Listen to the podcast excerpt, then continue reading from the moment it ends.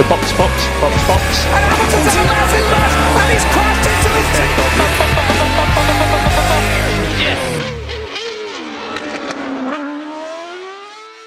Herkese merhaba. Podstop Podcast'in yeni bölümünde her zaman olduğu gibi e, Deniz, Halil ve ben Burak birlikteyiz. Deniz, Halil hoş geldiniz. Hoş bulduk, selamlar. Merhaba, hoş bulduk. Bugün takım incelemelerindeki son bölümümüzü konuşacağız.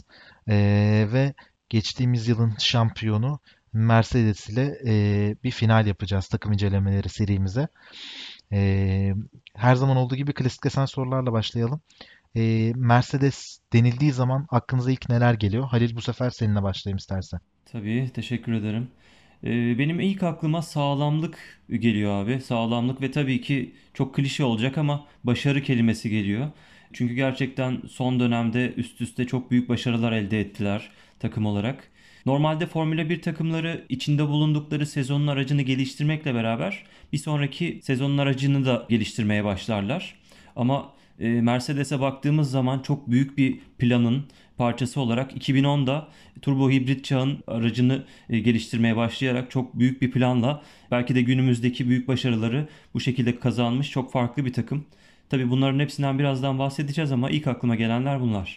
Harika, güzel başlangıç oldu. Peki Deniz, Mercedes AMG Petronas sende neler çağrıştırıyor? Hibrit dönemin e, prensleri diyebiliriz onlar için. Çünkü zaten hem yeni girmişlerdi Mercedes olarak bu e, Formula 1 camiasına. Ama gerçekten sağlam bir giriş yaptılar. E, birkaç sene sonrasında şu an domine etmiş durumdalar. Her bölümde tekrarladığımız bir şey var. Başarı elde etmek için bütün kriterleri yerine getiriyor olmaları gerekiyor. E, son yıllarda da Mercedes bunu tamamen yerine getiriyor diyebiliriz. Pilotlar, araç, pit duvarı, taktikler, her şey kısacası e, son yılların e, önde gelen takımı diyebiliriz kendilerine. Ben ikinize de katılıyorum. E, benim aklıma da tabii ki e, Mercedes deyince lakapları olan gümüş oklar geliyor. E, ilk gözümde canlanan, aklımda canlanan tamamen bu oluyor. E, Mercedes aslında bildiğimiz gibi Formula 1'de çok e, uzun bir geçmişi olan e, bir takım değil. Aslına bakarsak ilk başta e, 1954 yılında Formula 1'de ilk defa yarışıyorlar. Avrupa Şampiyonası olarak e, yarışıyorlar savaş öncesi dönemde. E, burada iki sene yarıştıktan sonra uzun süre olarak yarışmaktan ayrılıyorlar. E, bu dönemde farklı farklı takımlara motor tedariği sağlıyorlar. Başka işbirlikleri oluyor. Fakat daha sonrasında 2010'da tekrardan e, Mercedes ismiyle fabrika takımı olarak e, bir geri dönüş yapıyorlar. Hatta bu geri dönüşü de e, mümkün olduğunca ses getirebilecek bir şekilde yapıyorlar. Bildiğiniz gibi Michael Schumacher, Nico Rosberg ikilisiyle iki Alman pilotla birlikte e, tam bir baştan aşağı Alman takımı olarak geri dönüş yapıyorlar. E, sonrasında e, uzun süre bu ikili birlikte yarışıyor e, ve özellikle de turbo, turbo hibrit çağının da gelmesiyle birlikte motorlarında değişmesiyle birlikte 2014 yılıyla birlikte de e, inanılmaz dominant bir e, sezon geçiriyorlar, bir dönem geçiriyorlar. E, şimdi bu anlamda baktığımız zaman e, Mercedes'in e, Özellikle Hamilton-Rosberg ikilisine geçmeden önce Schumacher-Rosberg'in birlikte geçirdiği 3 sezon var. E, ve asıl olarak bu 3 sezonun e, takımın temellerini atmasına, testlerini yapmasına, aracı geliştirmeye e, sebep verdiği, organizasyonun yapısını oturtmasına e, sebep olan bu 3 sezonu herkes e, başlangıç olarak söylüyorlar.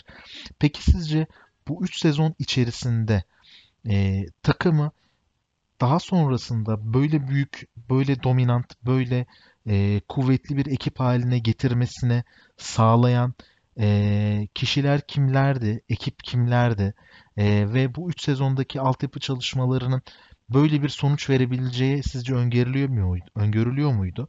E, biraz bunlardan bahsedelim. Modern Mercedes'in kur, kuruluş dönemiyle girelim istiyorum. E, bu konu hakkındaki düşünceleriniz nelerdi? Nasıl bir matematik vardı sizce? Bence şöyle bir matematik vardı. Aslında orada e, tabii biz sadece e, ön planda olan e, kişileri ve isimleri görüyoruz bu Formula 1'de özellikle. Daha detaylarını görmek için ciddi araştırmalar yapılması gerekiyor. E, ama tabii burada kişilerden ziyade Mercedes'i genel olarak yani e, tabii az sonra belki Rosberg ve e, Schumacher döneminden biraz da detaylı bahsederiz ama ben onları bir kenara bırakıp hızlıca bu e, kendilerini hibrit döneme nasıl hazırladıklarını e, söylemek istiyorum. Bence zaten asıl e, ilerlemeyi de bu hibrit dönemdeki yeni motor ve motor özelliklerinin gerekliliklerini yerine güzel bir şekilde getirdikleri için e, başarılı olduklarını düşünüyorum. E, çünkü önceki araçlarda işte e, bu V6'lara dönmeden önce, hibrit motorlara dönmeden önce araçlarda aslında tabii ufak da olsa e, bazı elektrik e, kap şeyleri var, devreleri vardı ama yeni gelen özellikle e, motor gücüne ve turbonun gücüne katkı yapan o MCU-H dediğimiz ve işte KER sistemine benzeyen MCU-K sistemlerini tamamen araca e, güzel bir şekilde e, entegre ettiler. Ve mesela biz yarış sıralarında hep şeyi duyuyoruz böyle e, takımların pilotlarla olan konuşmalarının hani önemli olan kısımlarını bize dinletiyorlar tabii ama aslında arka planda işte mod 3, işte mod 8'e alalım, işte ikinci virajdan sonra mod 4'e dönelim falan gibi. Hatta bir tur içinde neredeyse her tur içinde bir kere bunu değiştir diyorlar pilotlara. Pilotlar da o inanılmaz e, fazla parça olan direksiyondan bir şekilde o modu bulup artık yola mı bakıyorlar, o direksiyonu nasıl yapıyorlar çok ciddi bir şey o da yani. E, o modu ayarlayıp e, motordan tam güç alıyorlar.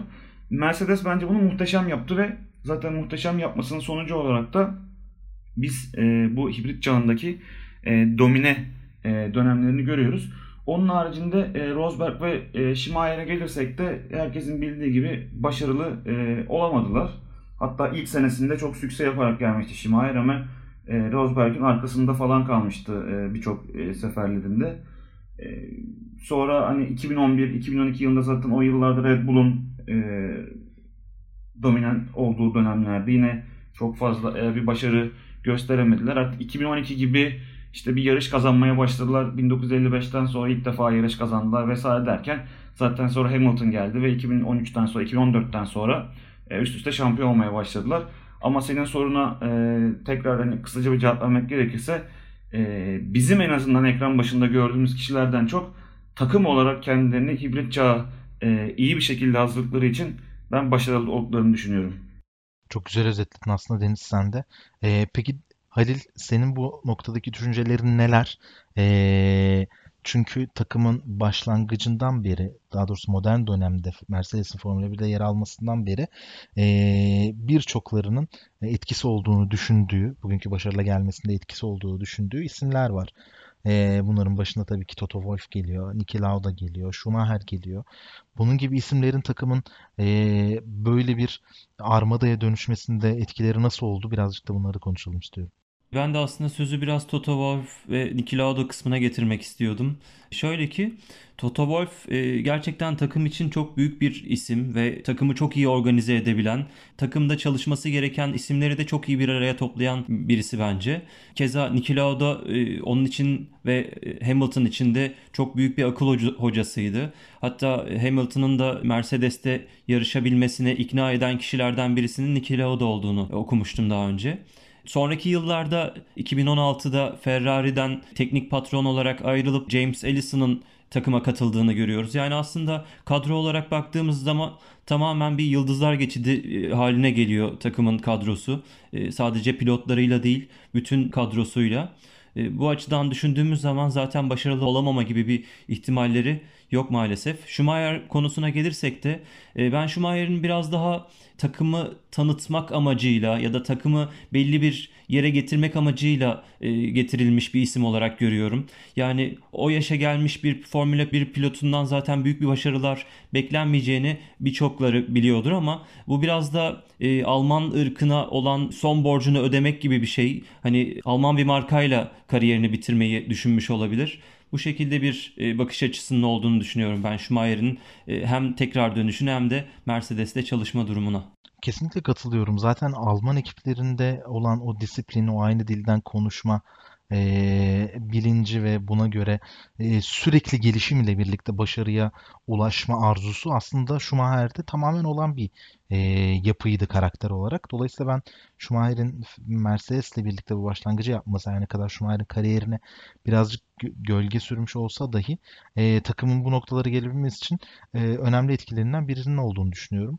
E, fakat senin de az önce söylediğin gibi Ali, Toto Wolff'i ve Niki Lauda'yı e, konuşmadan geçmememiz lazım Mercedes kısmında.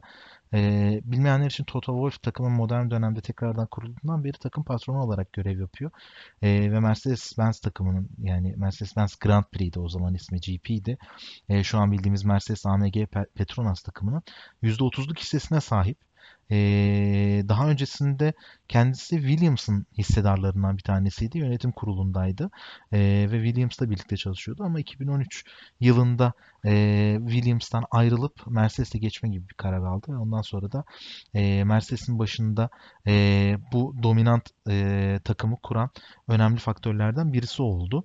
E, kendisinin Avusturyalı olması ve yine aynı şekilde Niki Lauda'nın da belki Avusturyalı olması, motorsporlarına aynı tutkuyla bakmaları, aynı sürekli gelişimi talep etmeleri, pilotlardan, ekipten, takımdan istemeleri muhtemelen onların çalışmasına çok büyük bir e, etken oldu aralarındaki bu uyumu, bu harmoni yakalamalarında çok büyük bir e, faydası oldu. Zaten Niki Lauda da takımın %10'luk hissesine sahipti. Dolayısıyla aynı zamanda iki hissedar e, takımın pist üstündeki yönetiminde birlikte sallıyorlardı. Ve e, yıllar öncesinde kurulan gümüş okları e, tekrardan zirveye çıkarttılar aslında e, kurmuş oldukları bu başlangıçla birlikte. E, ben birazcık bilmeyenler için bu gümüş oklar lakabının nereden geldiğini e, bir anlatmak istiyorum. Belki hala bilmeyen olabilir.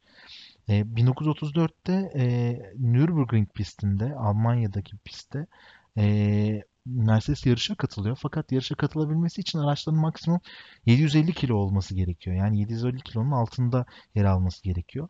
E, ölçümlerde Mercedes 751 kilo geliyor ve yarışa katılamayacağı e, söyleniyor. Fakat bu sırada da e, araç beyaz renkte. E, daha sonra ekipten Alfred Neubayer isimli birisi diyor ki aracın üstündeki boyayı sökelim ya. Yani bu şekilde ağırlıktan kurtulabiliriz diyorlar. Ve aracın üstündeki beyaz boyayı söküyorlar ve söktükten sonra da e, çıkabilen kısımlarını söküyorlar. Çıkamayan kısımlar kalıyor. E, ve bu ciddi anlamda bir ağırlık konusunda rahatlık sağlıyor ve 750 kilonun altına düşüyor araç. E, bu sebeple birlikte o boyanın altında kalan o gümüş materyalden dolayı e, ve hızlı bir şekilde de yarış sürdükleri için gümüş ok lakabını alıyorlar. E, ve ondan sonra da hep bu şekilde e, basın tarafından kullanılmaya devam ediyor. Hatta 2019 yılında Mercedes'in motorsporlarındaki 100. yılını e, temsilen Almanya'daki Hockenheim'deki Grand Prix'de e, tam da bu hikayenin çıkış amacı olan bir şekilde aracın dizaynı, daha doğrusu görsel dizaynı böyle e, yapılmıştı. Hatırlarsanız ön tarafları gümüş renkli, arka tarafları daha beyazdı ve böyle sökülmüş gibi bir livery konseptiyle yarışıyorlardı. E, bu anlamda da e, onlar için e, geçmişe bir selam çakılan bir dönem oldu. E, geçtiğimiz yıl Almanya Grand Prix'si. Mercedes dediğimiz zaman motorsporlarındaki daha doğrusu Formula 1'deki en başarılı takımlardan birisi diyoruz. E, 6 kez üst üste dünya şampiyonlukları var takımlarda. Yine aynı şekilde pilotlarda da e, aynı şekilde. E, bu anlamda gerçekten kırılması zor bir rekora imza attılar. Daha önce Ferrari'nin elinde bulundurduğu rekoru e, geçtiler, üstüne çıkıyorlar e, ve harika bir iş sergiliyorlar. Ekipleriyle, genç pilotlarıyla hali hazırdaki pilotlarıyla birlikte e, müthiş bir dönem sergiliyorlar. Ama az önce sizle de konuştuğumuz gibi bunun asıl amacı, e, asıl başlangıcı turbo hibrit çağındaki değişime çok iyi uyum sağlayıp buna göre adımlar atmalarıyla e, kaynaklandığı söyleniyor. Şimdi önümüzde Formula 1 değiştiren bir diğer çağla karşı karşıyayız. Hem bütçe sınırlaması hem de değişen araçların e, yapıları ve dinamiğiyle birlikte 2021 ve 2022 yılı daha doğrusu 2022 daha ağır basacak. Formula 1'de yeni bir çağa kapıyı açacak. Sizce 2022'den sonra Mercedes turbo hibrit çağını geçişteki yakalamış olduğu başarıyı tekrar edebilir mi? Ya da Mercedes gibi farklı bir takım öne çıkıp e, bundan sonraki yeni çağa e, dominant bir şekilde adım atabilir mi? Biraz da bunları konuşalım. Halil sen bu konu hakkındaki düşüncelerin neler? Seninle başlayalım. Tabii ki. Ee, Mercedes'in son döneme baktığımız zaman hala büyük geliştirmeler yapmaya devam ettiğini görebiliyoruz. Hatta bu seneki testlerde hepimize sürpriz olan bu DAS sisteminden kısaca bahsetmek istiyorum. Bildiğiniz gibi bu çift eksenli bir e, direksiyon sistemi ve adamlar bu sene bunu kullanabilmek için izin çıkardılar. Belki önümüzdeki seneden itibaren kullanamayacaklar ama bu bize şunu gösteriyor. Hala takımın canla başta çok yeniliklerle çok e, işte biraz daha beygir gücünü arttıralım, biraz daha şurada aerodinaminde farklı bir şey bulmaya çalışalım. Sürekli bir şeyler kattığını görüyoruz ve Bence e, gerçekten eğer ki 2022'den itibaren bir rakipleri olacaksa yani gerçekten çok daha e, kıyasıya mücadeleler izletebilecek bir rakipleri olacaksa bir köşesinde Mercedes yine mutlaka olacaktır. Çünkü Mercedes'in hem bu uzun süreçteki şampiyonluklarından hem de bundan sonraki planları için ben bir şeyler yapacaklarına e, eminim açıkçası. Öyle düşünüyorum daha doğrusu. Halil aslında çok güzel özetledin. Takım e, senin de örnek verdiğin gibi DAS sistemi e, sadece son dönemde çıkarttıkları yeni bir teknoloji. Bunun öncesinde de defalarca farklı farklı işler yaparak, farklı açıklar bularak e, ciddi anlamda e, rakiplerinin üstüne çıkabilen işler yaptılar. Bunu başardılar. E, bunlardan e, birçoklarını burada sayabiliriz ama ben Mercedes denildiği zaman rakiplerinin e, daha ötesine geçtikleri bir konu e, geçtiğimiz Formula 1 sezonlarında hep aklımda kalıyor. O da e, aracın motoru, daha sonrasında üstüne konulduğu şasi, aerodinamisi ve bunların hepsinin, bu kompleksitenin hepsinin sonunda e, piste dokunduğu yer olan lastikleri inanılmaz bir uyum içerisinde çalıştırabilen, e, bugün Formula 1'de birçok takımın dikkat etmesi gereken ve en çok sorun yaşadığı noktalardan biri olan e, lastik yönetimi konusundaki bu başarıları e, gerçekten onları e, birkaç seviye üste çıkartıyor. Özellikle e, zaten birazdan konuşacağız. Lewis Hamilton'ın bireysel olarak da bu konu üzerindeki kabiliyetiyle birleştiği zaman e, rakipleri lastiklerin %50'sini yemiş bitirmişken Hamilton hala lastikler iyi görünüyor. Ben birkaç tur daha bu şekilde gidebilirim. E, çabuk pite girmeye çalışmayalım şeklinde bilgilendirmeler yapıyor. E, takıma yönlendirmede bulunuyor ve takım hatta birçoğunda bence e, belki en az 4-5 tur daha gidebilecekken sadece stratejik olarak geride kalmamak ve hata yapmamak için e, bitmemiş lastiklerle daha erken pite giriyorlar ve bu da onlara çok büyük bir e, lüks sağlıyor. E, bu anlamda takımın e, geliştirmiş olduğu sistemlerin ötesinde bu sistemleri e, pistte de çok iyi uyguladığını düşünüyorum ve bu da ona ciddi anlamda e, takıma e, bir başarı sağlıyor. E, bu anlamda da rakiplerinin e, önüne geçmek onlar için artık çok daha kolay bir noktaya geliyor. E, senin de söylediğin gibi 2021 ve 2022 için e, hatta bildiğim kadarıyla 2021 için e, hali hazırda rüzgar tüneli testlerine başlamış durumda. Dolayısıyla ayrı paketine e, bütçe kısıtlamasının öncesinde belli bir aşamaya getirmeye çalışıyorlar şu an için. E, o anlamda da e, kendilerini geride bırakmamak için e, oldukça efor sarf ediyorlar ki bu sezon sonunda bildiğiniz gibi e, birçokları tarafından Mercedes acaba spordan çıkıyor mu? E, ayrılacaklar mı? Tekrardan dönmeyecekler mi? Yoksa fabrika takımı olarak devam etmeyecekler mi gibi e, söylentiler vardı. Fakat Mercedes bunu net bir şekilde yalanlayıp 2020'den sonra sporda kalmaya devam edeceklerini açıkladı. Sadece organizasyonel bir değişiklik olacak. E, bu anlamda geleceğe yönelik yatırım yapmaları, hazırlık yapmaları e, onların bu anlamda bu sürekli gelişim e, noktasında ne kadar e, sağlam bir şekilde ilerlediklerini gösteriyor bence. E, Deniz senin bu konu hakkındaki yorumların neler? 2022 sonrası başka bir takım Mercedes'in e, bu disiplinini sağlayabilir mi? Böyle bir başarı yakalayabilir mi? Ya da 2021-2022 döneminden sonra Mercedes aynı başarıyı tekrar edebilir mi? E, ama bu soruyu cevaplarken e, pilotlar da birazcık yavaş yavaş oraya da geçeceğiz.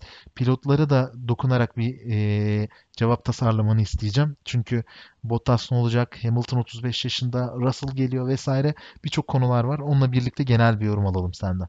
Tabii ki ama şöyle yani çok ufak şey değinmem lazım yeni senelerde ne olacak diye. Özellikle 2022 senesinden sonra hem bütçe kısıtlamasıyla hem de küçük takımlarla büyük takımlar artık aynı bütçeyi kullanabilecek olmasıyla e, işler bence biraz daha değişecek. Zaten birçok takımda motorların dondurulmasını yani motor gelişimlerinin dondurulmasının e, uygun olacağını savunuyorlar. İşte Ferrari gibi bazı takımlar, e, büyük takımlar bunu kabul etmeseler bile e, küçük takımlar özellikle motor geliştirilmelerinin dondurulması konusunda bazı isteklerini e, masaya koyuyorlar. E, Mercedes tarafı da bunun e, uygun olabileceğini aslında geçtiğimiz dönemlerde e, vurgulamıştı. Yalnız şöyle bir dönem durum var. Biliyorsunuz her dönem aslında farklı takımların e, domine etmesiyle e, gerçekleşiyor. İşte son dönemde Mercedes var, ondan önce Red Bull vardı, Renault, işte McLaren, Ferrari gibi e, dönemler oldu. Mercedes'in döneminin de geçeceğini düşünüyorum. Çünkü çok güzel bir araç yapmışlardı hibrit dönemiyle beraber. Çok da güzel bir pilotları vardı. Hamilton'la beraber gerçekten e, çok başarılı oldular. Ama söylediğim gibi Hamilton artık 35 yaşında. 2022'ye kadar e, takımda kalacağı söyleniyor. Ama sonrasında ne olacağı tabii bilinmez. E, çok e, genç yetenekleri olduğu söyleniyor. Yine akademiden gelen mesela Toto Wolff e, genç yetenek bulma konusunda çok başarılı ve şu anda e, birkaç tane hazırda e, pilotları olduğu söyleniyor. Ama e, tabii dönem değişiyor. Diğer takımlar bence e, üst takımların seviyelerine gelecekler ve birkaç sene içerisinde e, Mercedes'in dominantlığı bitecek diye düşünüyorum. Aynı zamanda şöyle bir durum da var zaten. Her sene Mercedes'in kazanması demek e, Formula 1 bünyesinin de artık e, kazançlarının nasıl diyeyim azalması anlamına geliyor olabilir bence. O yüzden aslında verilen kurallar ve e, yapılan güncellemeler de mevcut dönemde baskı kuran takımları biraz daha yavaşlatmak ve onları biraz daha geriye çekmek e, bakımından oluyor diye düşünüyorum ben. E, özellikle mesela son döneme baktığımız zaman bu motor değişikliği, hibrit dönemi konuştuğumuzda Ferrari'nin e, domine ettiği dönemden sonra o ürettikleri güçlü motorların yerine bu tarz motorların gelmesi gibi bir örnek verebiliriz buna. O yüzden bence önümüzdeki yıllarda e, hem Hamilton'ın takımdan ayrılıyor olması e, hem yerine gelecek pilotların bu kadar iyi performans vermeyeceği soru işaretiyken e, Mercedes'in diğer takımlar tarafından ben yakalanabileceğini düşünüyorum. Kesinlikle Mercedes bu senin de söylediğin gibi dominant dönemde gerçekten çok iyi işler çıkarttılar. Yani Formula 1 tarihinin en başarılı takımlarından bir tanesi. Ee, zaten üst üste 6 kez hem e, sürücüler hem takımlar şampiyonlukları var. E, ve çok enteresan e, aslında özel bir rekorları da var. 2014 yılında Mercedes 11 kez duble yaptı sezon içerisinde ve e, McLaren'in 88'deki e, Senna Prost ikilisinin e, 10 adet yaptığı duble rekorunu geçtiler 2014'te e, Rosberg Hamilton ikilisi. Bu anlamda inanılmaz e, rekorlar, inanılmaz başarılar yakaladılar. E, bence onları e, onlar için en önemli olan konu işte Hamilton sonrası dönem ya da e, 2021-2022 sonrası dönem için e, kendilerini motive edecek yeni bir şey bulmaları lazım. Onu buldukları zaman e, çok acımasız bir takım haline gelebiliyorlar. Tipik bir Alman e, ekolü haline dönüşebiliyorlar deyip e, birazcık pilotlara doğru yavaş yavaş gidelim. E, bu sefer bir değişiklik yapalım istiyorum. E, Valtteri Bottas'la başlayalım. Çünkü Hamilton dediğimiz zaman kontrol edemeyeceğimiz sürelere geçebiliriz. E, o yüzden biraz daha e, adım adım ilerleyelim istiyorum. Valtteri Bottas denildiğinde aklınıza ilk neler geliyor beyler? Deniz senle başlayalım. Yani film pilot e, çok soğukkanlı ve bence Hamilton'ın yanına yakışacak en iyi pilotlardan biriydi bugüne kadar ki ve e, 3 yıldır da görevini yerine getiriyor bence. Ee, öncesinde Williams'la da önce test pilotu olarak başladı. Daha sonra e, yarıştı ama bir e, başarısı olduğunu göremedik tabii ki. Ama lakin e, Mercedes'te son dönemlerde özellikle geçen senenin başlarında da e, Hamilton'ı aslında e, kök söktürebilecek bir e, pilot gibi düşünülürken e, bir şekilde arkasında kalıyor her seferinde. Yaptığı basit hatalar var bazı yarışlarda. Ee, ama hani soğukkanlılığı onu bence bugüne kadar e, taşıyan e, taşımalarından e, bir tanesi soğukkanlı olması. E, tabii 2021 yılı için çok e, soru işaretleri var kendisi adına. Çünkü Mercedes'in artık onu yani çok daha başarılı bir pilot e, getireceği konuşuluyor. E, merakla bekliyoruz biz de. Güzel bir giriş yaptın aslında Bottas'la ilgili. Benim için Bottas kariyerinde dikkatimi çeken e, bir tane nokta var. E, senin de söylediğin gibi Williams'la başlıyor Formula 1'e.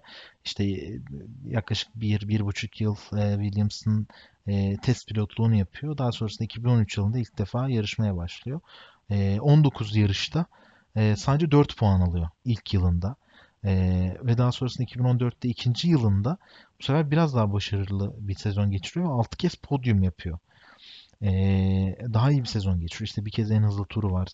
Dördüncü sırada bitiriyor sürücüler şampiyonasını. Ee, sonraki sezon 2015'te sadece iki podyum yapıyor. Daha az puan topluyor ama bu sefer 5. sırada bitirebiliyor. Yani aslında sürücüler tarafında e, üst sıralarda yer alan bugünküyle karşılaştırdığımız zaman dikkat çekebilecek bir performans sergiliyor. Fakat 2016'da Williams'daki son yılında sadece bir podyumu var. 21 yarış var. Yarış sayısı da artıyor. 85 puan topluyor ve 8.liğe kadar düşüyor. E, kendi kariyerinde bu sıralama anlamında tabii Williams'ın araç gelişimiyle de alakalı, diğer şeylerle de alakalı ama e, kariyer olarak biraz daha düşüşe geçtiği bir dönemden sonra Mercedes'le anlaşıp E, ondan sonrasında Mercedes dominasyonu e, dönemine başlıyor ve geçen yılda Sürücüler Şampiyonası'nda ikinci bitirerek bugüne kadar kariyerinin en başarılı dönemini geçiriyor. E, sence Halil Bottas Mercedes'teki misyonunu tamamladı mı? Ondan istenenleri tamamıyla yerine getirdi mi? Yoksa Mercedes daha fazla bir şey istiyor mu Bottas'tan? Ya da Bottas Mercedes'ten daha fazla talepkar olup e, kendi kariyerini farklı bir noktaya e, götürmeye çalışacak mı? Bu çerçevede birazcık yorumlayalım. Bu arada Bottas'ın 30 yaşında olduğunda hatırlatalım bu yorumları yaparken. Güzel bir soru oldu. Biz hep Bottas'la ilgili şunu duyuyoruz ya da şunu düşünüyoruz. İşte e, Hamilton'a destek olan pilot, işte hatta onunla ilgili çok komik lakaplar falan da var biliyorsunuz. Fakat eğer ki pist üzerinde kendini daha fazla kanıtlayabilse, daha fazla bir şeyler yapabilse, e, bence takımın ondan beklentisi ve onunla ilgili düşünceleri, bakış açısı da değişebilirdi. Ancak e, Bottas'la ilgili kuracağımız bütün cümlelerin sonuna bir ama bağlıcı koyarak işte çok iyi performanslı ama nokta nokta işte çok iyi bir e, yarış koştu ama e, nokta nokta diye bitirmek, negatif bir şekilde bitirmek durumunda kalıyoruz. Bunlardan bir tanesi de bu seneki Monza e, performansıydı. Hamilton'la Leclerc'in mücadelesinde Hamilton'ın lastikleri bitince hatırlarsınız. Bottas'ı öne sürdüler. Son e, hatırlamıyorum belki 7-8 tur falan bir vakti vardı Lökleri geçebilmesi için. Doğru. Ama birkaç yerde çok kritik hatalar yaparak Deniz'in de söylediği gibi çok kritik hatalar yaparak e, birazcık sanki e, pilotluğunu basitleştirmiş gibi çok basit hatalarla kendini biraz basitleştirmiş durumlara düşebiliyor. Oysa hani çok güzel yerlerde e, yıldızını parlatabileceği, şansını yakalayabileceği durumlar tabii ki önüne çıkıyor. Ama Mesela şeyi de düşünebiliriz. Bu sene e, çok güzel bir performansla başladı sezona. Ancak zaman geçtikçe, yarışlar ilerledikçe tekrar düşüşe geçmeye ve tekrar Hamilton'ın arkasındaki pilot haline geldi. Bu açıdan düşündüğümüz zaman bence Bottas'ın Mercedes'teki rolü bundan daha da fazla ileri gidemez. Ki zaten son dönemde de e, Bottas'ın farklı takımlarla görüştüğünü okumaya başladık. E, ben bazı noktalarda sana katılıyorum ama bazı yerlerde katılmıyorum. Yani ben aslında ben Bottas'ın gerçekten e, ya sıradan bir sürücü, sürücü sürücü olmadığını düşünüyorum. Yani o kadar da sıradan olmadığını düşünüyorum. Fakat kendisini e, ya Bottas şu an şeyde bence e, hani Formula 1.5'un en iyisi olabilecek seviyede ama daha üstteki takımlarda da hani o kırıp hani o şampiyonluk e, kumaşına sahip olmama, olmadığından dolayı o ikisinin böyle arasında kalan e, bir kimlik şey bunalımı yaşayan bir kişi gibi geliyor bana. Aynen e, bunu öyle. bir iki, yer, bir iki yerde test edebiliyoruz. Sen çok güzel değindin İtalya'ya, Monza'ya 2019 yılında. E, orada e, Ferrari kesinlikle çok iyiydi. Tam bir düzlük aracı yapmışlardı. Lökler çok zorluyordu. Her şeyi yapıyordu ama Bottas'ın orada e, gerçekten adım adım geldi. Yani tur başına böyle 0.4, 0.5, 0.6 saniyeler alarak geldiği bir e, son dönemi izledik. Yarışın son dönemini izledik. Fakat çok basit bir hatayla o şansı elinden kaçırdı. Yine dönüp baktığımızda benim aklıma geçen yılki Almanya geliyor. E, gerçekten yağmur, kaos, e, defalarca kez girilen pitler, şunlar bunlar derken Bottas orada elinde iyi bir fırsat vardı. E, fakat o da daha sonrasında herkesin kaza yaptığı aynı sulak alandan aynı şekilde geçip aynı hatayı yaparak ve birazcık dikkatsiz bir şekilde çok hızlı geçerek yarış dışı kaldı. Orada bir galibiyet getirebilirdi. Ee, yine aklıma benim Singapur geliyor. Uzun süre geriden geldi ama uzun takipler sonucunda bir türlü geçemedi. Bir türlü bir, bir ön sıraya tırmanamadı. Ee, Singapur anlıyorum tabii ki geçişin çok zor olduğu pist. Çok ciddi anlamda e, dar olan bir sokak pisti ama e, o araçla birlikte daha iyi performans sergilemesini e, beklenen yerlerden biriydi. Ve son olarak da Brezilya aklıma geliyor. E, sezonun sonuna güzel bir finish yapabilecekken uzun süre kovaladı, kovaladı, kovaladı ve motoru patlatarak bu sefer e, yarış dışı kaldı.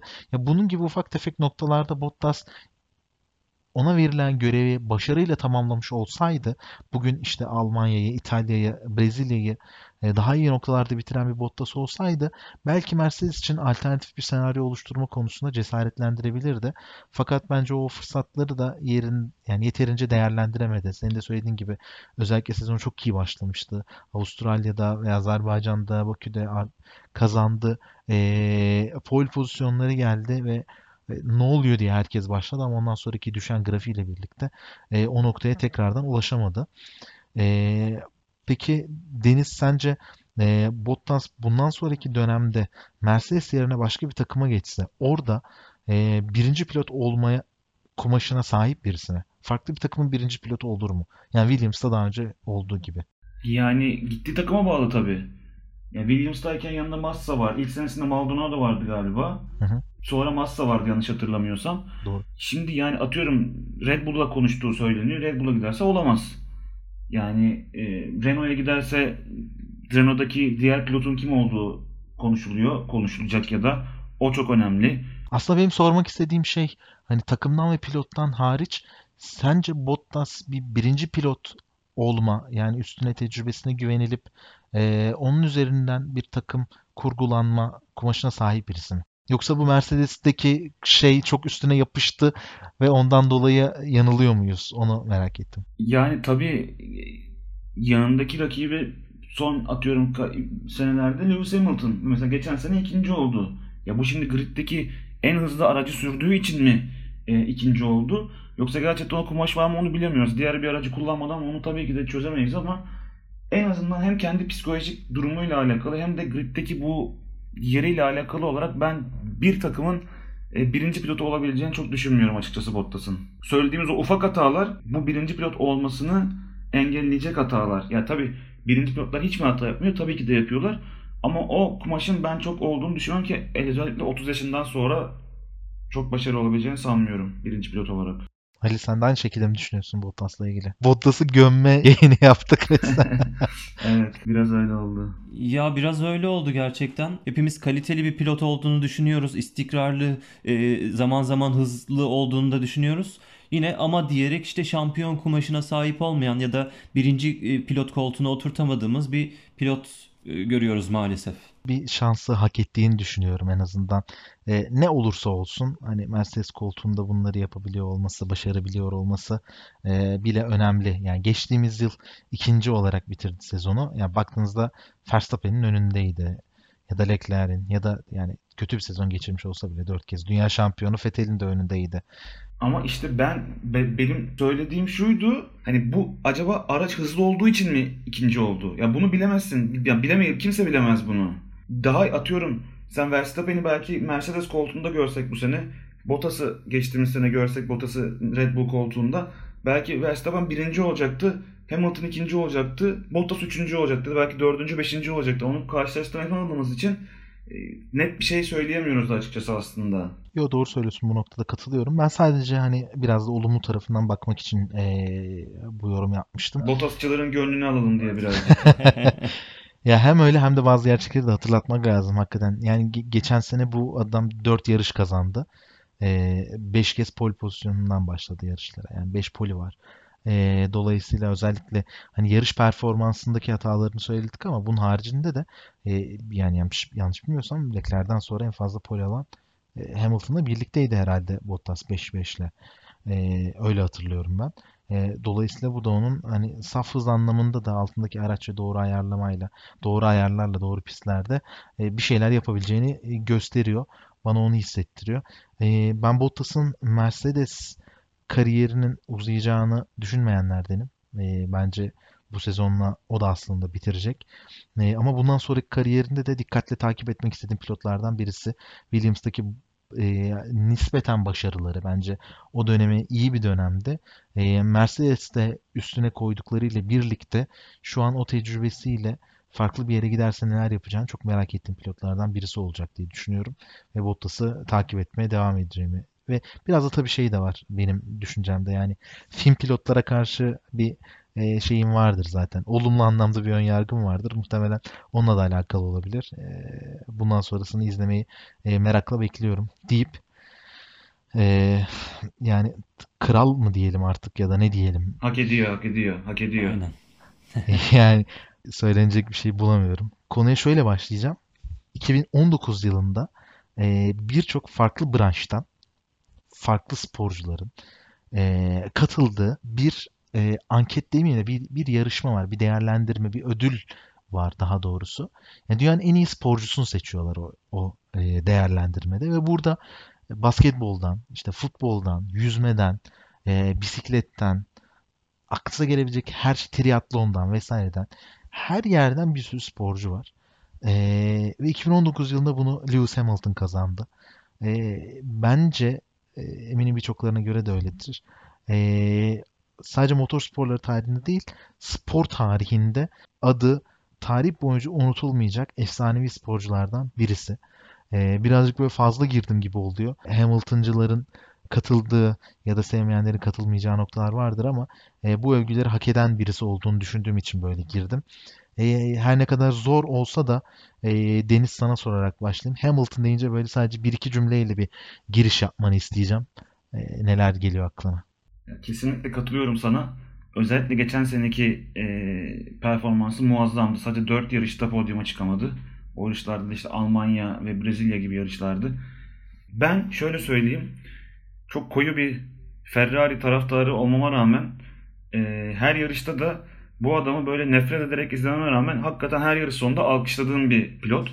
Çünkü bir şekilde daha önce söylediğim gibi ya lastiklerini çok güzel tutabiliyor ya atıyorum aracını çok güzel konumlandırıyor. Yani gerçekten şu anda e, bir pilotta olması gereken bütün özellikler var. Mesela Vettel diyoruz ki önde başladığı yarışları kazanıyor. Çok iyi konumlandırıyor aracını ve geçilmiyor. Yani atıyor ama çok iyi geçiş yapmıyor diyebiliyorsun. Ya bu adamda hepsi var. E, gerçekten e, söylediğim gibi sadece Formula 1 değil yani birçok e, branştaki spor dalı arasında e, sıyrılıp buraya kadar gelmiş bir adam. E, müthiş bir pilot. Gerçekten bizim dönemimizde izlediğimiz için şanslı olması pilotlardan bir tanesi. Kendimi şanslı hissediyorum yani. Çok güzel bir başlangıç yaptın aslında. Hepsi çok doğru söylediklerini ben de katılıyorum. Ee, biraz da bu işin bir de şey kısmı var gerçekten. Her şey bittiği zaman bundan 20 yıl sonra, 30 yıl sonra, 50 yıl sonra insanlar açıp baktığında Hamilton ne yaptı diye e, ister istemez tabii ki görselleri başka şeyler isteyecekler ama insanlar bir de rakamlara bakacaklar. Halil senle de öyle devam edelim. 13 yıl, 250 Grand Prix, 84 zafer, 151 podyum ve 88 pol pozisyonu. Yani muhtemelen kırmadığı ya da kırmayacağı bir rekor kalmayacak Formula 1'de. Ee, ve bunun üzerine tabii bunu, az önceki saydığım rakamların üzerine de 6 dünya şampiyonluğunu eklememiz lazım. Bugün Michael Schumacher'den sonra en çok dünya şampiyonu olan pilot Lewis Hamilton. Ee, senin Hamilton'la ilgili düşüncelerin, görüşlerin neler? Aa, şöyle ki daha henüz 10 yaşındayken efsanevi takım patronu Ron Dennis'in yanına giderek bir gün senin için ve McLaren için çalışmak istiyorum demiş. Bunu bir yerde okumuştum ve çok ilgimi çekmişti. Çok iyi hikaye. Seneler sonra da bu hayalini gerçekleştirmiş. Yalnız şöyle bir şey var. Hamilton'la Verstappen'in biraz böyle e, davranışsal ya da işte bu agresiflik, dilini tutamama yönünü birbirine çok benzetiyorum ve bir e, pilotu değerlendirirken de zaman zaman bunun e, yanılgısına düşerek e, bunun gölgesinde yorumlar yapabiliyoruz izleyiciler olarak. E, ben bundan da birazcık yakınarak başlamak istiyorum. Hani bir pilotun davranışlarından, seçimlerinden, yaptığı hatalardan ya da işte e, onun kişisel hayatından dolayı o adamdan nefret ederek o adamın yapmış olduğu, almış olduğu şampiyonlukları, başarıları bir köşeye itemezsiniz. Hani düşündüğümüz zaman bunu yapan çok fazla insan var. Ben de Hamilton'ın üst üste sezonları domine etmesinden hoşlanmıyorum. Yani sürekli o adamın kazanmasından hoşlanmıyor olsam da. Çünkü bir rekabet ya da daha mücadele içerisinde olan yarışlar ve sezonlar izlemek istiyorum. Ama buna rağmen e, bu adamın çok büyük olduğu gerçeğini asla yatsıyamayız. Bu gerçeği değiştiremeyiz diye düşünüyorum. Güzel bir giriş yaptık. Yani Hamilton aslında saygı duruşuyla başladık. E, ilerleyen e, birkaç dakika içerisinde bu saygı duruşuna e, yapılabilecek eleştirileri de sizlere soracağım. Onları danışacağım. Onlarla ilgili de bir cevap bekleyeceğim ama aslında genel olarak kimdir biraz ondan bahsedelim. Lewis Carl Davidson Hamilton e, 1985 yılında e, İngilt İngiltere'de doğuyor. E, Stevenage'da, Hertfordshire'da. E, ve daha henüz 2 yaşındayken annesi ve babası ayrılıyor. E, 10-12 yaşına kadar annesiyle birlikte yaşıyor ve orada e, üvey kardeşleri var, üvey kız kardeşleri onlarla birlikte yaşıyor. Sonrasında da e, babasıyla birlikte yaşamaya başlıyor 12 yaşından sonra. E, orada da e, yine üvey kardeşleri oluyor. Babası da evleniyor farklı birisiyle. E, dolayısıyla parçalı bir aileyle e, yetişen bir e, pilot Lewis Hamilton ve bunun da e, kendini öz eleştirisini yaptığı dönemlerde e, olumlu ve olumsuz yanlarından ciddi anlamda etkilendiğini söylüyor. E, küçük yaşlardan beri kartingle o da her Formula 1 pilotu gibi yarışmaya başlıyor. E, fakat o zaman sürekli babası yanında oluyor. Babası onun mekaniği oluyor. Araçları birlikte dizayn ediyorlar. Birlikte geliştiriyorlar. E, her yarış onunla birlikte gidiyor. E, ve baba oğul arasındaki ilişki bu dönemde ciddi anlamda kuvvetleniyor. Ee, birçok alt serilerde yarış, yarışıyor. Farklı şeyler yapıyor ama Formula 1 kariyerin demeyelim de yani yarış kariyerini aslında 2001'de ee, Britanya'da Formula Renault serisiyle giriş yapıyor. Kış aylarında yapılan bu seriyle giriş yapıyor. Ve orada ee, başlar başlamaz senin de az önce bahsettiğin gibi Ron Dennis'le yaptığı konuşmada olduğu gibi kendini yine pistte çok hissettiriyor. E, bilinen kadarıyla 2004'ün sonlarına doğru e, Williams'la anlaşmaya çok yaklaşıyor. E, o dönemde ciddi görüşmeler oluyor. Hatta son aşamaya kadar da geliyorlar. Fakat o dönem Williams'ın e, motor tedarikçisi BMW e, bu anlamda Lewis Hamilton'ı e, destekleyebilecek bir bütçelerin olmadığını söylüyorlar. E, ve bu düşünce plan suya düşüyor. E, sonrasında Hamilton'ın kariyeri farklı bir şekilde e, gelişiyor. İşte McLaren'le tekrardan e, anlaşıyor. E, alt serilerde Formula 3'te GP2'de yarışıyor. E, ilk defa 2004 yılında McLaren'de Silverstone'da e, teste çıkıyor. Daha sonra GP2'de şampiyon oluyor. Nelson Piquet Jr. ve Timo Glock'un önünde e, çok dominant performanslar sergiliyor ve bu başarısını da gördükten sonra Formula 1 takımları ve tabii ki de McLaren e, kendi ekibine takımına katmak istiyor Lewis Hamilton'ı e, Formula 1'de. E, orada zaten Juan Pablo Montoya vardı o dönem. Montoya NASCAR'a gidiyor. E, Raikkonen vardı. Raikkonen de Ferrari'ye geçiyor ve bundan sonra Hamilton takıma katılıyor. E, ve burada da artık e, hikaye McLaren'le birlikte başlıyor. McLaren'de zaten bir dünya şampiyonluğu var biliyorsunuz. E, sonrasında da Mercedes dönemiyle devam ediyoruz. Ama ben biraz önce e, McLaren dönemiyle başlamak istiyorum. Hamilton e, senin de Halil az önce bahsettiğin gibi Verstappen'in gençlik dönemleri gibi o zaman e, çok farklı bir pilottu. Kesinlikle e, çok pür bir hızı vardı. E, ve bunu çok hissettiriyordu. Pistte de herkese gösteriyordu. Fakat bu hızını kontrol edemediği dönemler vardı. Bariyerlere giriyordu, rakiplere giriyordu. Çok amatör hatalar yapıyordu. E, bugün birçokları tarafından tekrardan izlense yani güllük geçirecek, dalga geçirecek işler yapıyordu. Ve bu dönem içerisinde de e, gençliğinden dolayı da çok hızlı bir hayatı vardı. İşte ünlü kız arkadaşları vardı. Kafası çok başka yerlerdeydi. Takımla e, takım arkadaşlarıyla sorunlar yaşıyordu e, ve o dönemde de McLaren'de Alonso ile birlikte çalıştıkları bir dönem vardı. E, bu anlamda bakarsak e, birazcık size e, Hamilton'ın McLaren dönemlerini yorumlayalım istiyorum. O dönemlerden aklınıza neler geliyor, hatırınızda neler var? Birazcık bunları konuşalım. Halil senle başlayalım bu sefer. Ee, daha ilk sezonunda zaten McLaren'de çok büyük bir giriş yaparak çaylak sezonunda olmasına rağmen gayet iyi bir iş çıkarmıştı e, Alonso'ya karşı da bayağı bir tehditkar bir durumdu aslında baktığımız zaman bu. E, ikinci sezonunda da zaten 2008'de gerçi biraz tartışmalı gibi olsa da o senin de bahsettiğin gibi Glock'un yavaşlamasıyla işte Hamilton'ın puan farkı durumuyla yanlış hatırlamıyorsam podyuma çıkmadan şampiyon olmuştu o sene. Evet evet doğru. Ama e, yine de gerçekten McLaren döneminde de çok büyük işler yaptığını düşünüyorum. Belki de Niki Lauda'nın ve işte McLaren'deki birazcık daha böyle kendine haksızlık yapıldığını falan iddia etmişti o dönemde e, takım değiştirirken. Niki Lauda e, da ikna edip onu Mercedes'e almasaydı belki McLaren dönemi onun için bir süre daha devam edebilirdi diye düşünüyorum. Katılıyorum sana. Ben McLaren dönemi deyince Hamilton'ın aklıma şey geliyor. Yani Alonso ile birlikteki o didişmeleri, o sıkıntılı e, dönem aklıma geliyor. Zaten gerçekten hem bu iki pilotu aynı anda rekabetçi araçlarla izleyemediğim için çok böyle içim buruktur. Ama hem de aynı takım içerisinde bulundukları zaman da o e, birbirlerine karşı olan tutum ve davranışları da beni çok şey e, düşündürüyor. Yani nasıl bir şey olacaktı acaba bundan sonrasında diye. Belki hatırlarsınız o meşhur e, tam hatırlamıyorum ama Macaristan mıydı? E, bir yerde e, sıkıntı yaşamışlardı kendi aralarında. Alonso e, Q3'te sıralama turlarında e, öncesinde pite geliyor. Orada lastik değişimi oluyor. E, yaklaşık böyle bir buçuk dakika kala e, ya kadar e, yerinde duruyor. Arkadan Hamilton geliyor. Onun da lastik değişimi yapıp onun piste çıkması lazım. Ama Alonso sanki aracında bir sorun varmış gibi o süreyi bekliyor, bekletiyor ve daha sonrasında çıkıyor, ona izin veriyor. Dolayısıyla takım içi rekabetin de tap olduğu dönemler aklıma geliyor. E, Deniz sen neler düşünüyorsun? Hem Alonso tarafı hem de McLaren dönemi şampiyonluğu e, ve oradaki geçirdiği yıllarla ilgili Hamilton'ın. 2007 Macaristan'dı bu arada söylediğin Grand Prix. Ee, kesinlikle orada yani Alonso'yla takım emirlerine uymamaları, yarışmaları vesaireleri ee, ama o dönemde bile ne kadar büyük bir pilot olduğunu zaten bize göstermeye başlamıştı Hamilton. Ee, göreceli olarak e, Formula 1'de yeni pilot olmasına rağmen adından sıkça söz ettiriyordu bu tarz durumlarda. Zaten geldiği ilk sene ikinci oldu, ikinci sene birinci oldu vesaire gibi.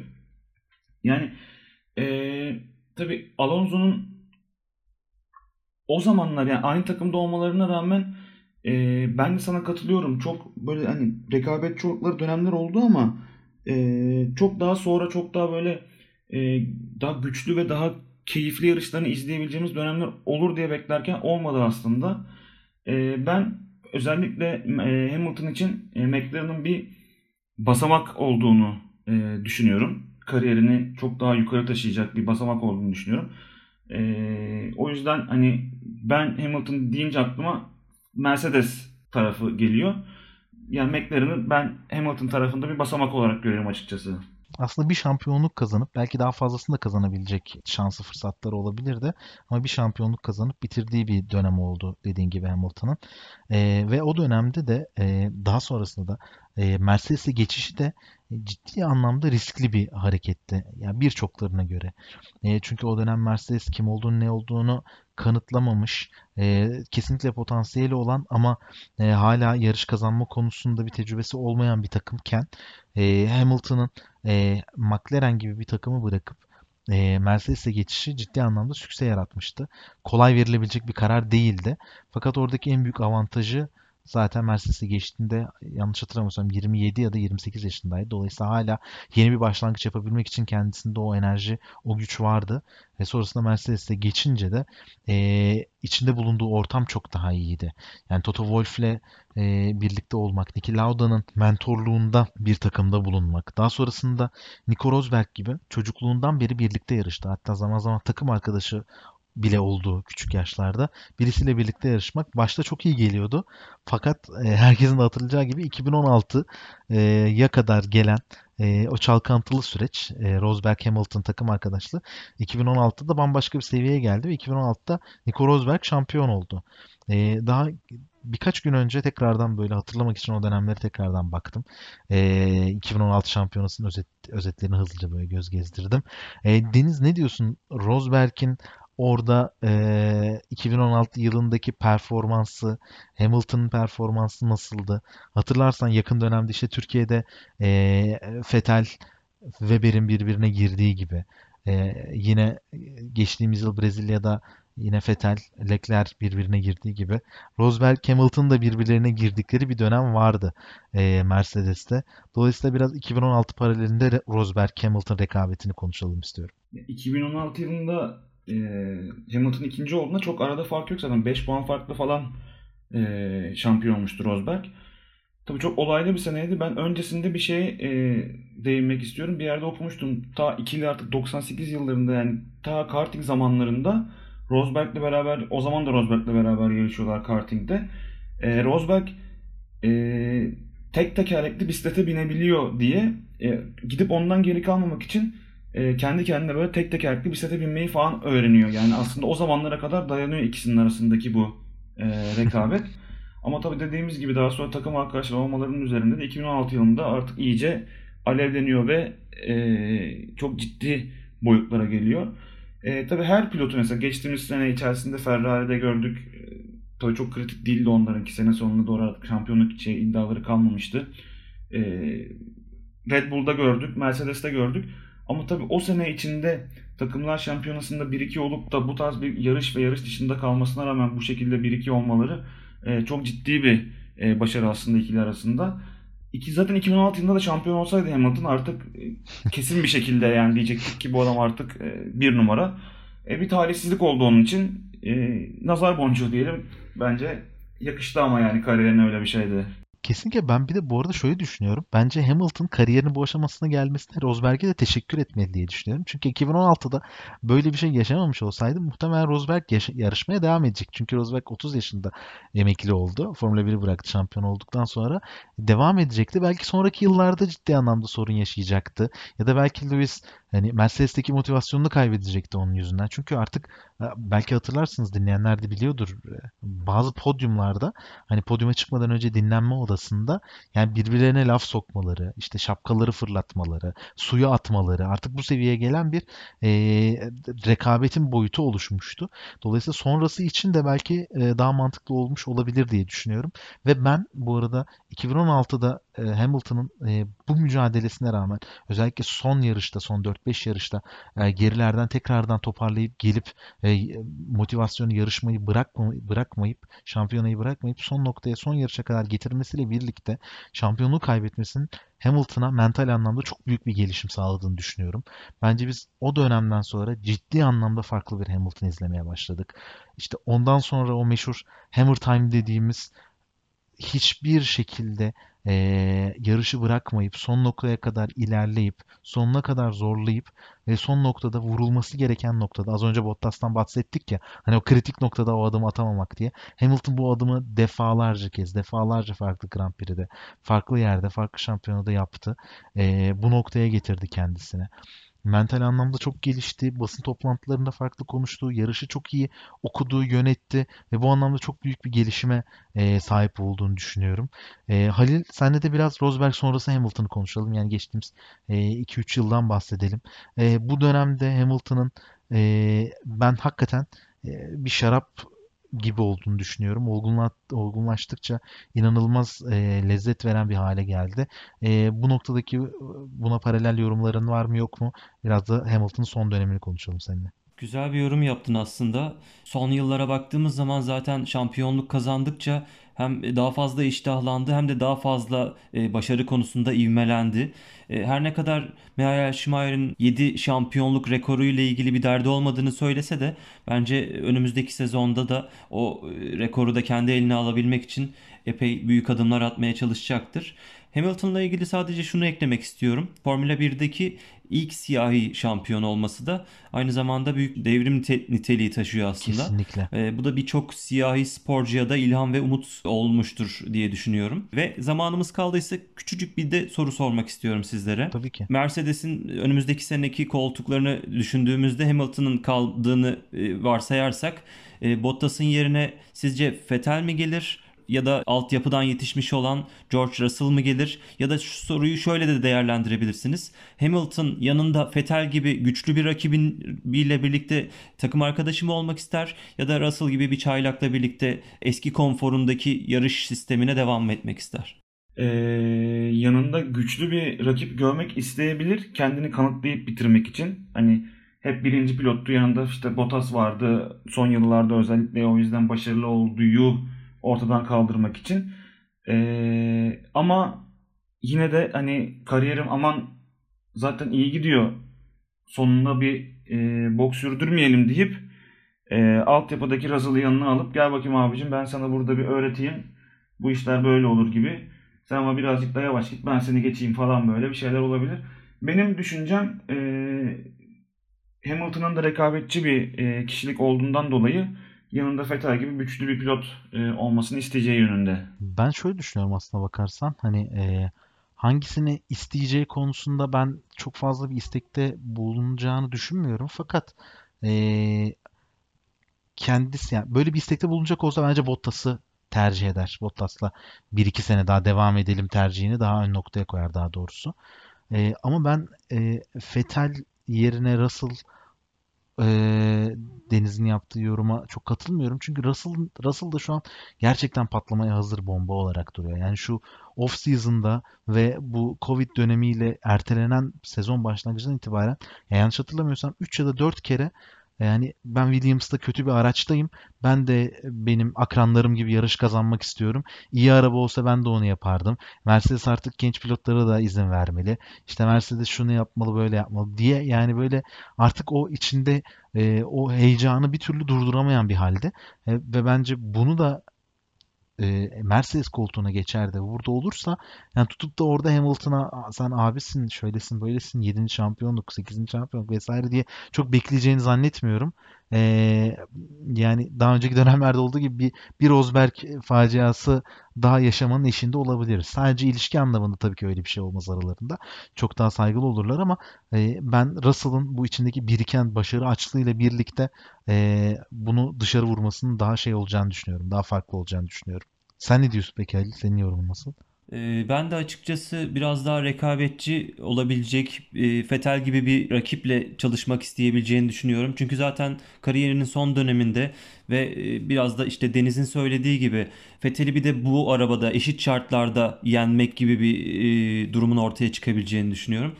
O yüzden yani tabii ki bu bir ütopik bir fikir ama Vettel'in e, olmasını isteyebileceğini hayal ediyorum. Ben bu arada Hamilton'la ilgili bir şey daha söyleyeceğim. Çünkü konuş konuş bitmeyecek bir yayın. Ee, fazla süremizi aşmayalım istiyorum. Ee, sadece birkaç noktaya değinmek isterim. Ee, Hamilton işte kariyerin belli bir döneminden sonra işte çalkantılı e, ilişkilerinden kurtulup tekrardan yarışa fokus olmak istedi. Bu anlamda mental açıdan çok geliştirdi kendini. Meditasyona başladı. Ee, zaten bir e, Katolik olarak e, yetişmişti. E, dinle ilgili görüşleri daha fazla artmaya başladı. Daha inançlı birisi oldu demeyeceğim ama inancını daha fazla gösteren birisi olmaya başladı. Ee, bu konuda kendini geliştirdi, buraya adadı. Ee, sonrasında beslenme biçimini, diyetlerini değiştirdi tamamen. Ee, vejetaryen, vegan bir beslenmeye geçti. İnanılmaz bir e, hani kilo oranına sahip. Yaşı artmasına rağmen her geçen yıl daha fazla kilo vererek sezona giriyor gibi gibi böyle birçok farklı noktada hala kendini geliştirmeye devam ediyor ve geçen seneki şampiyonluktan sonra söylediği söz gibi hani still I rise hala yükseliyorum. Ee, onun en büyük mottosu olmuş durumda. Ben bu şekilde Hamilton severleri bir öneriyle ee, bu bölümü de kapatmak istiyorum. Ee, David Letterman'ın ee, sıradaki konuğum adı altındaki bir show var. Netflix'te izleyebilirsiniz. Çok ünlü ee, stand-upçı, stand-upçı değil mi? Talk showcu. Onun Lewis Hamilton'ın ee, konuk olduğu bir bölüm var. Deniz senle bunu konuşmuştuk daha önce hatırlarsan. Hamilton'ı yeniden tanımak isteyenler için mükemmel bir fırsat. Ee, ya da tanımayanlar için de nasıl bir karakter olduğunu görmek için bence iyi bir bölümdü, iyi bir yapımdı. Ee, onları izlemesini tavsiye ediyorum deyip e, Hamilton'ı da bitiriyorum.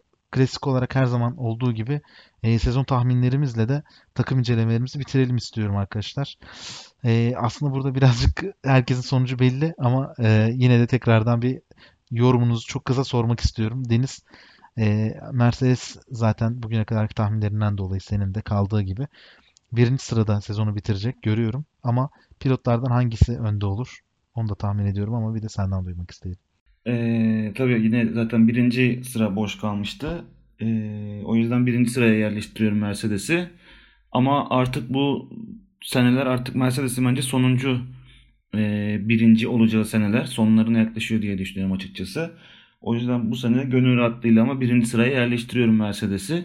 Pilotlarda da Hamilton'ın e, domine edişinin devam edeceğini düşünüyorum. Halil, sen neler diyorsun? Ben de birinci sırayı Mercedes için ayırmıştım zaten. Pilotlarda da yani Deniz'in söylediği gibi Hamilton önde olacaktır. Bu ivmeyle ve 7. şampiyonluğu kazanmanın hırsıyla Bottas'a papuç bırakacağını düşünmüyorum.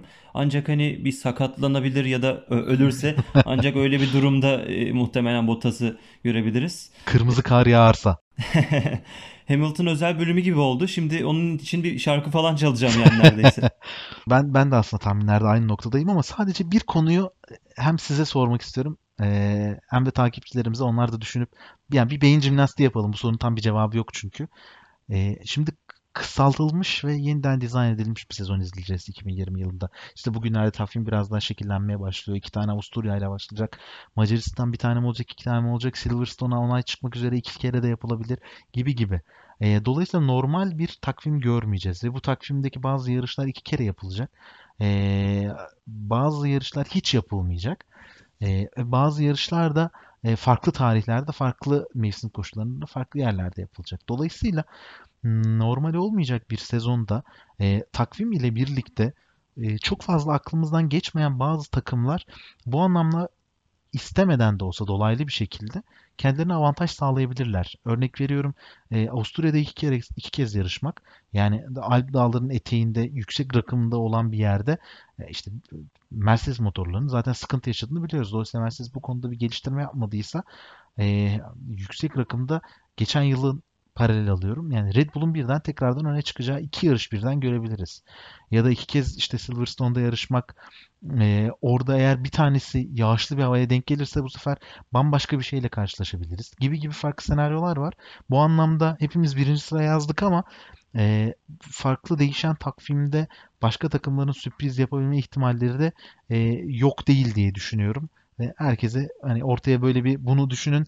Buradan kim çıkar, kim, kim çıkmaz diye kendi muhakemesini yapmasını istiyorum.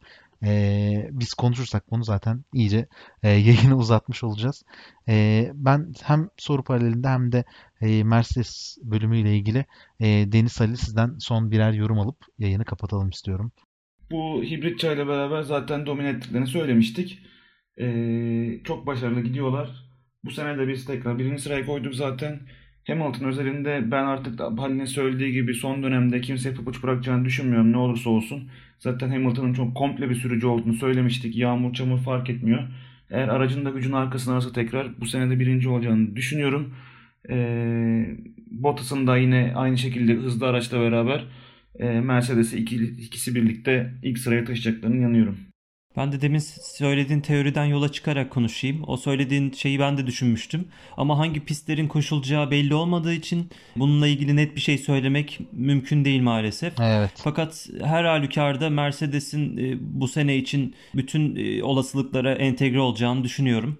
Ve işte klasik bir Hamilton ve Mercedes sezonu daha izleyeceğiz muhtemelen. Kesinlikle katılıyorum. Ben de bu yılı e, yine Mercedes e, galibiyetiyle ya da ön sırasıyla görebileceğimizi düşünüyorum. Fakat e, şöyle bir fark olmasını istiyorum. Umarım Hamilton'ın e, pilotsal yeteneklerini daha çok gördüğümüz, e, daha keyifli e, hamlelerini izlediğimiz ve e, daha güzel e, mücadeleler izlediğimiz bir sezon olur. Yani Hamilton böyle 25-30 saniyelik farklarla kazandığı yarışları görmek istemiyorum. E, o anlamda böyle bir sezon diliyorum ki onun da yeteneklerini daha güzel fark edelim diye. E, bu bölümle de birlikte e, başladığımız takım incelemeleri e, serimizi sonlandırmış olduk. İşte toplamda 3, 4, 5, 6, 7. bölümümüz oldu bu takım incelemelerinde. E, 7 bölümde 2020 sezonuna Formula 1'e yeni başlayanlar için bir rehber hazırlamış olduk. Bundan sonra farklı serilerle karşınızda olacağız.